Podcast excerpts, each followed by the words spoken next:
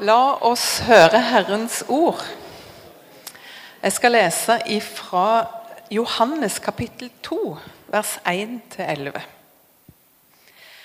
Den tredje dagen var det bryllup i Kana i Galilea. Jesu mor var der. Også Jesus og disiplene hans var innbudt. Da vinen tok slutt, sa Jesu mor til ham, 'De har ikke mer vin.' 'Kvinne, hva vil du meg?' Sa Jesus. 'Min time er ennå ikke kommet.' Men moren hans sa til tjenerne, 'Det han sier til dere, skal dere gjøre.' Det sto seks vannkar av stein der, slike som brukes i jødenes renselsesskikker. Hvert av dem rommet to eller tre anker. Fyll karene med vann, sa Jesus til tjenerne. De fylte dem til randen. Øs nå opp og bær det til kjøkkenmesteren, sa han. Det gjorde de. Kjøkkenmesteren smakte på vannet. Det var blitt til vin. Han visste ikke hvor den var kommet fra, men tjenerne som hadde øst opp vann, visste det. Da ropte han på brudgommen og sa, 'Alle andre setter først fram den gode vinen,' 'og når gjestene blir beruset, kommer de med den dårlige.' 'Men du har spart den gode vinen til nå.' Dette var det første tegnet Jesus gjorde. Det var i Kana i Galilea, og han åpenbarte sin herlighet, og disiplene hans trodde på ham. Slik lyder Herrens ord.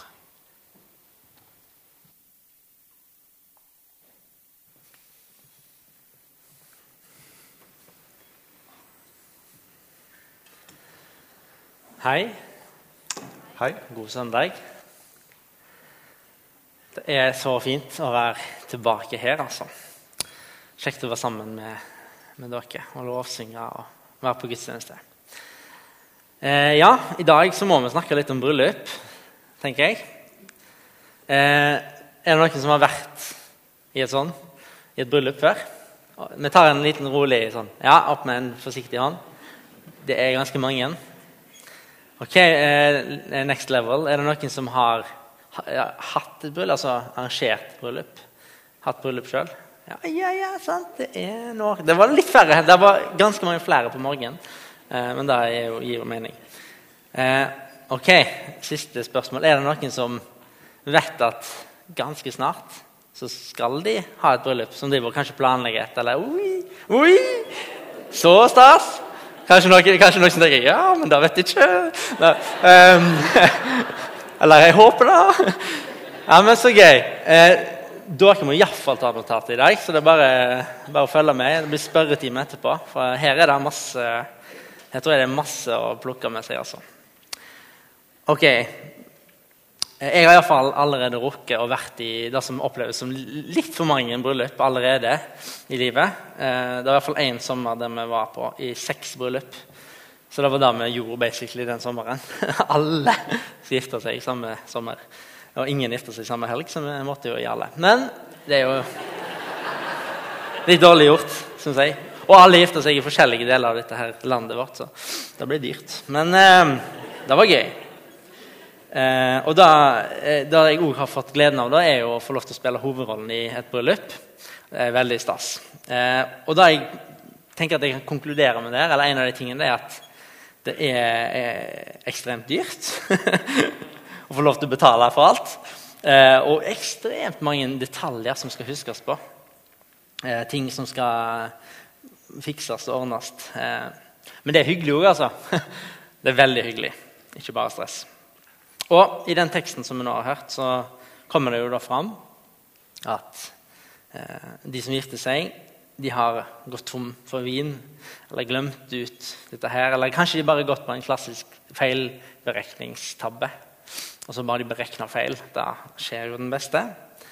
Eh, eller altså det kan jo hende at de glemte det. For jeg tenker, Vin er jo ekstremt dyrt. Det er kanskje en av de dyreste tingene. Så det kan jo være at det var helt, helt bevisst at de gikk tom.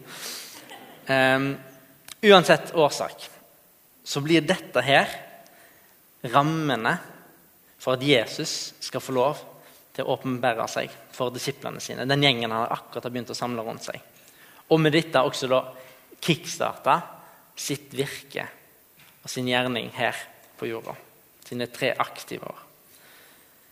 Og Det er spesielt to ting jeg har, som har poppa ut til meg, som jeg har lagt merke til når jeg har forberedt meg og lest denne teksten.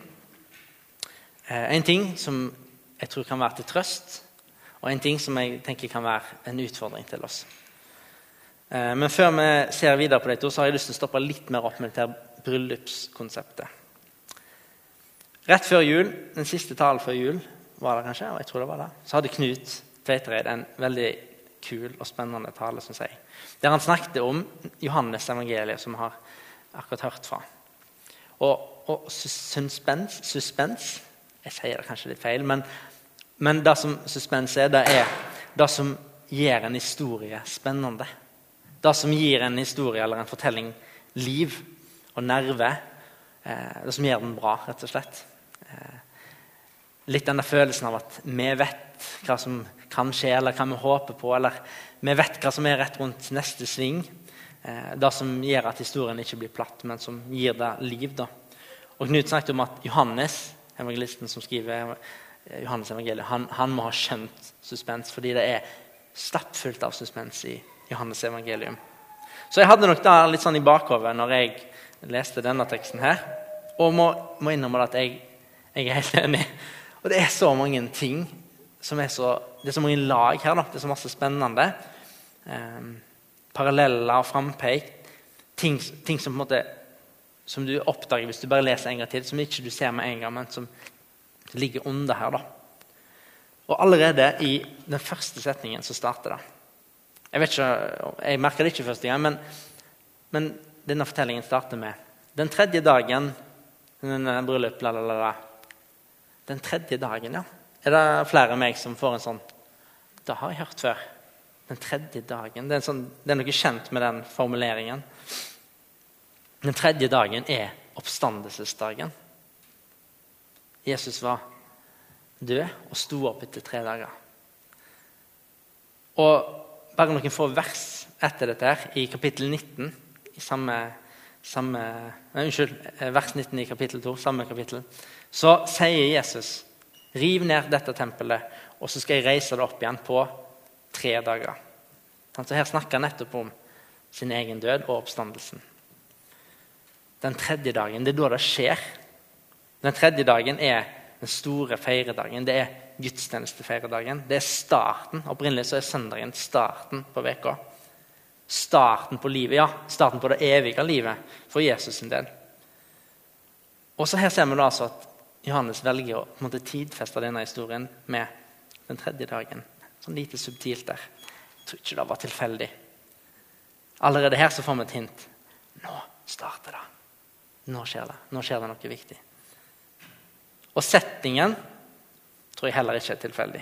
Bryllupet er et av de aller mest brukte bildene eller liksom linkene på både forholdet mellom Gud og hans folk Kirken og Jesus. Og det er også et, eh, et bilde altså på himmelen. På den gleden, den festen, den store festen som venter oss i himmelen. Jeg sjekka ut de andre tekstene som blir lest i dag. Det som jeg gjerne kaller for støttetekster, som blir lest tredje søndag i åpenbaringstiden. Eh, og de er henta fra første Mosebok, kapittel 1. Altså helt i starten. Og så fra Johannes' åpenbaring, kapittel 21. Tydeligere tenker jeg, ramme Så hvis du skulle liksom lest støttetekstene og det som er imellom, for å liksom forberede deg til denne talen, så hadde du, lest, eh, hadde du hatt litt å lese. da. Og er rammene. Og det som er så kult, er at det vi kan lese om i, i Moseboka, det er skapelsen av mennesket. Til mann og kvinne skapte han dem. Og det er innføringen av ekteskapet vi ser her. Kan godt kalle det det første bryllupet i verden. Og så til åpenbaringen. Teksten der, der står det, jeg leser. Og jeg så en ny himmel og en ny jord. For den første himmelen og den første jord var borte, og havet fantes ikke mer. Og jeg så den hellige byen Jerusalem stige ned fra himmelen, fra Gud, gjort i stand og pyntet som en brud for sin brudgom. Ok, Så her òg er det noen bryllupslinker det blir krydra med dette bildet. Og her Midt imellom dette, midt imellom disse to tekstene så, så har vi fått høre dagens tekst. Jesus har kommet til verden. Han har blitt voksen. Han skal til å starte sitt virke, og han er tilfeldigvis gjest i et bryllup. Dette bildet det er så metta, det er så mange ting her. For ja, bryllup er jo en stor greie. Det er en stor fest. Og Samtidig så er jo bryllupet bare markeringen av noe som er mye større ekteskapet. Og et av de beste rådene jeg fikk når jeg var forlova og godt i gang, og nok egentlig kanskje litt sånn oppslukt i disse her forberedelsene og bryllupsplanleggingen, da var at husk nå å ikke kun bruke tida i forlovelsen, kun bruk disse månedene på å planlegge bryllupsfesten. Husk å forberede dere og planlegge ekteskapet. Planlegg det som kommer dagen etter, og alle andre dager. Og Det syns jeg var et utrolig godt Nå håper jeg dere noterer dere. som, ja, er bra. For det syns jeg var et veldig godt råd. Bryllupsfesten den varer i noen timer. Ekteskapet det er for livet. Um, og Sånn tenker jeg også litt om denne historien, om bryllupet i Kana. Dette her er startskuddet for Jesu virke.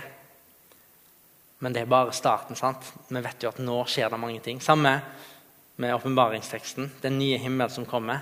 Det er på en måte starten på evigheten som blir fortalt om her. Et annet bilde som jeg sa, er jo at bryllupet er en slags sånn smakebit av himmelen. En forsmak. I Matteus 22 så forteller Jesus en lignelse. Han skal prøve å forklare hvordan himmelriket er.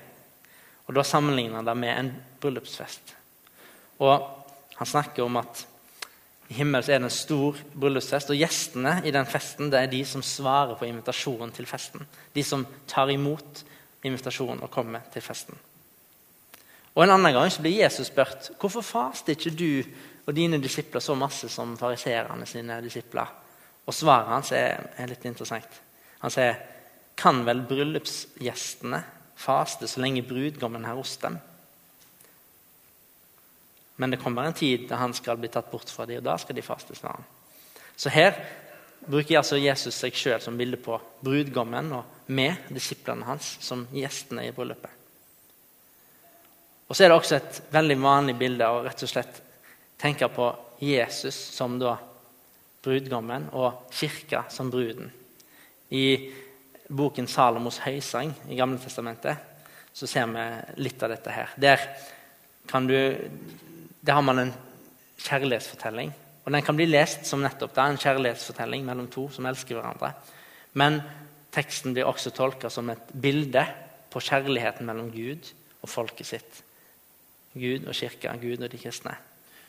Og Det sier oss noe om den nærheten som Jesus ønsker til oss. Det er som en brud og en brudgom.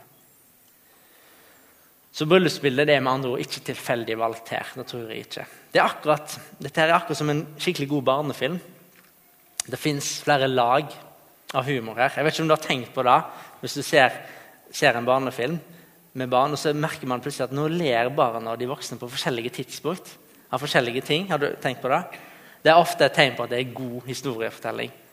Da er det flere lag. at Noen plukker opp noe som andre ikke plukker opp, og noen ler av det som andre ikke ler av.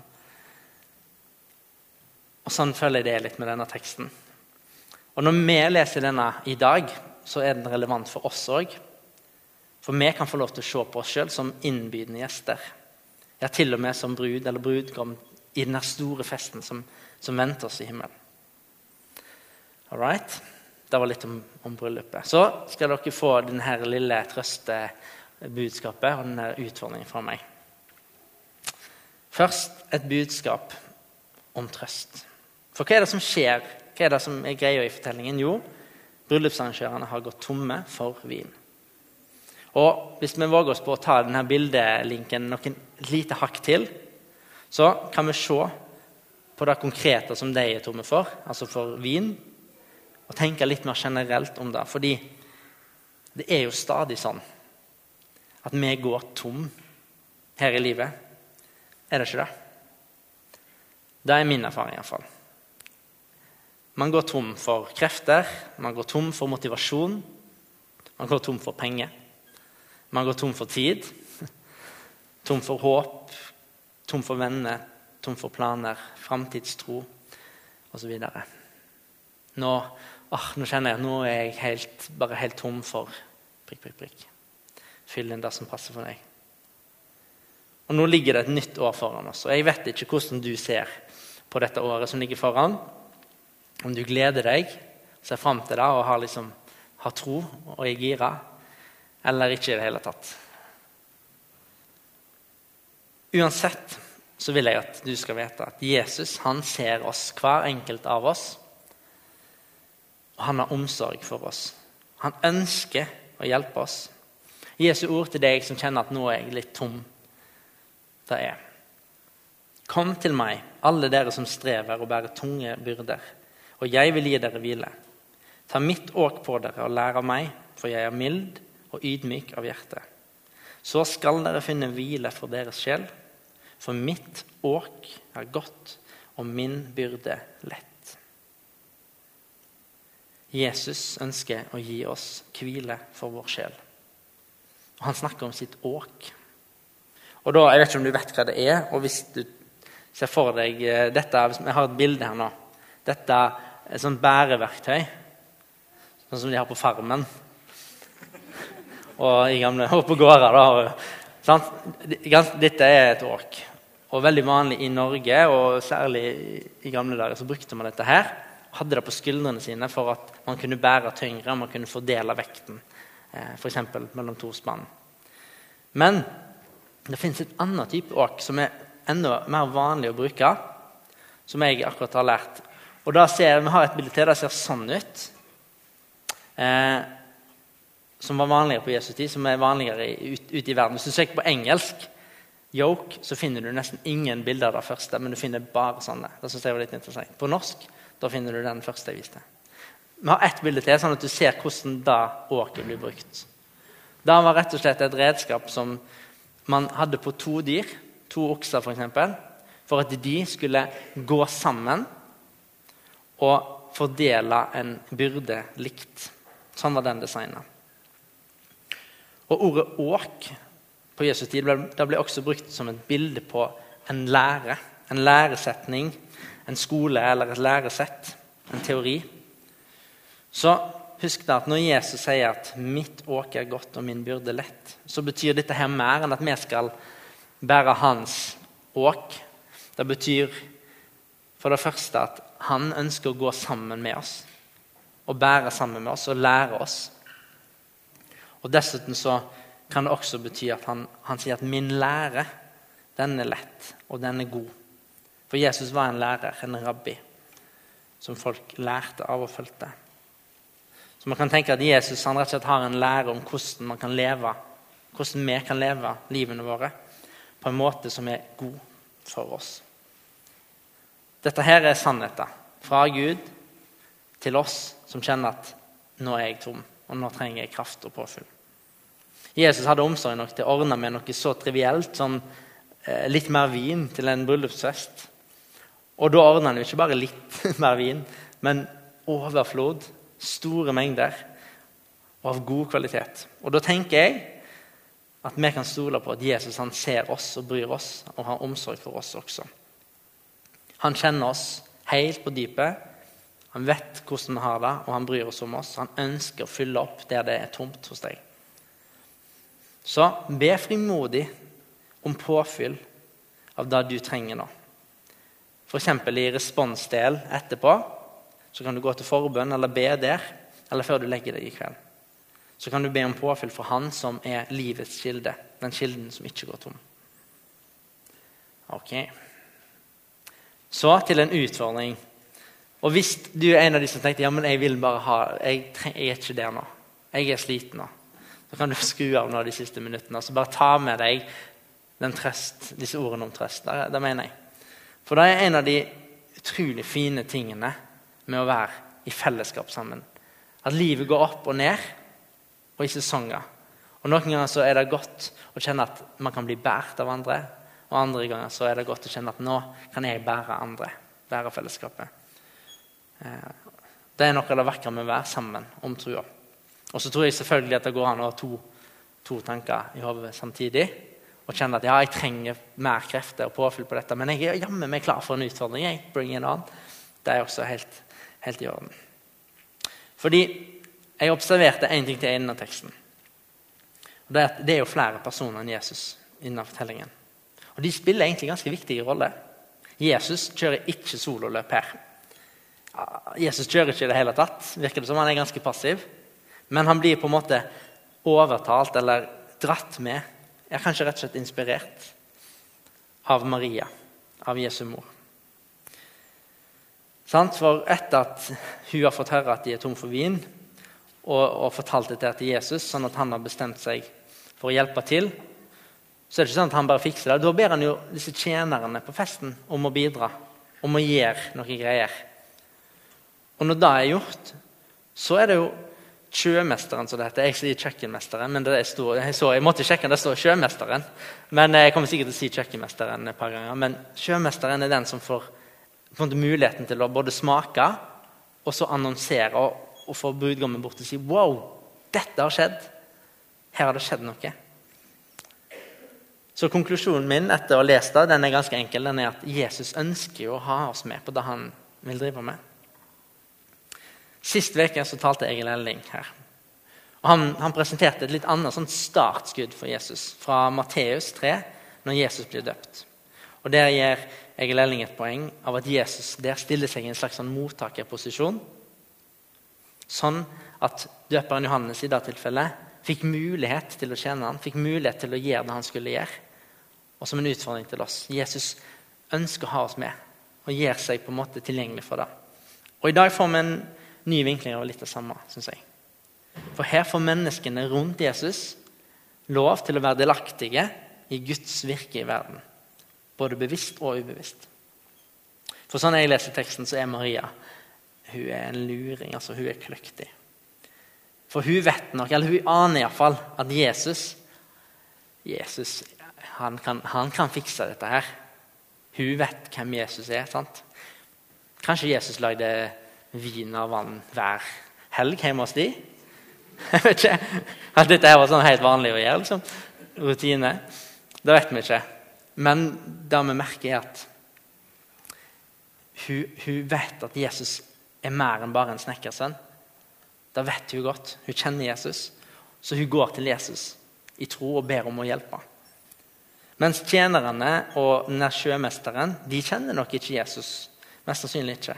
Og Likevel så får de bli delaktige i dette prosjektet, dette mirakelet vi får se. Og Det syns jeg er veldig kult å tenke på. At selv de som ikke kjenner Jesus, kan han ta med og bruke til å formidle sin godhet i verden. Så da har jeg altså noen utfordringer til oss her helt på slutten. Den første Kanskje du kan være en Maria en initiativtaker som, som ser et behov, og som kjenner Gud. Og som går til Gud og ber om hjelp.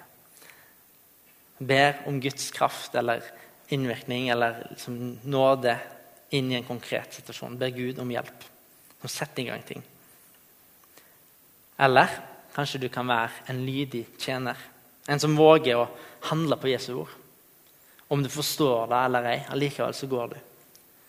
For det er jo en spesiell greie å øse opp masse vann i seks store kar som rommer mange liter, og som på ingen måte ble brukt til dette. Dette var renselseskar.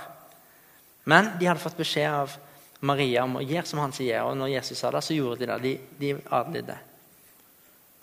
Eh, og kanskje denne veka her, eller framover kan en utfordring til oss være å være en som våger å gjøre. Guds ledelse den kan jo oppleves litt sånn spontant gjennom bønn eller på sånt, en stemme eller overnaturlig vis. Men vi har jo også nok, mer enn nok av utfordringer å ta av fra Bibelen. Jesus har gitt oss et eksempel i hvordan vi kan leve, hva vi kan gjøre. Det er det mange ting å ta av. Så vi kan tenke at ja, jeg har lyst til å gjøre noe som en tjener. Gå derfor ut og prikk, prikk, prikk. Det kan være en utfordring for oss. Hva kan du gjøre? Og til slutt kanskje du kan få være med å se etter og sette ord på Guds gave og virksomhet i verden. Akkurat som denne sjømesteren historien. Denne uka kan du lete litt etter mirakler og takke for og fortelle andre, de rundt deg, om det du ser, det du, det du får smake, det du får oppleve.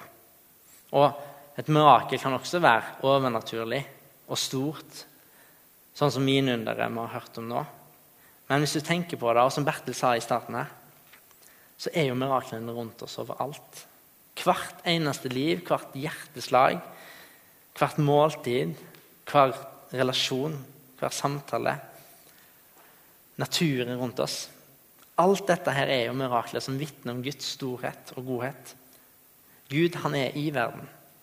Han er til stede og nær i våre samtaler, i våre liv og rundt oss. Verden den er hans. Den er skapt av han. Og se, det var svært godt. Så Noen ganger så tror jeg ikke vi trenger å gjøre så veldig masse, eller finne opp kruttet, men rett og slett bare observere, smake og kjenne at å, Gud er god. Så skal vi sette ord på det til de rundt oss. Wow, dette var godt. Se hva som jeg har fått sett her. Så da var det noen utfordringer til deg på tampen.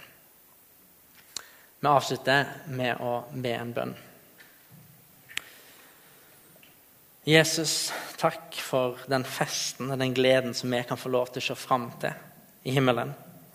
Og takk for at den også har kommet nær ved deg og ved ditt rike.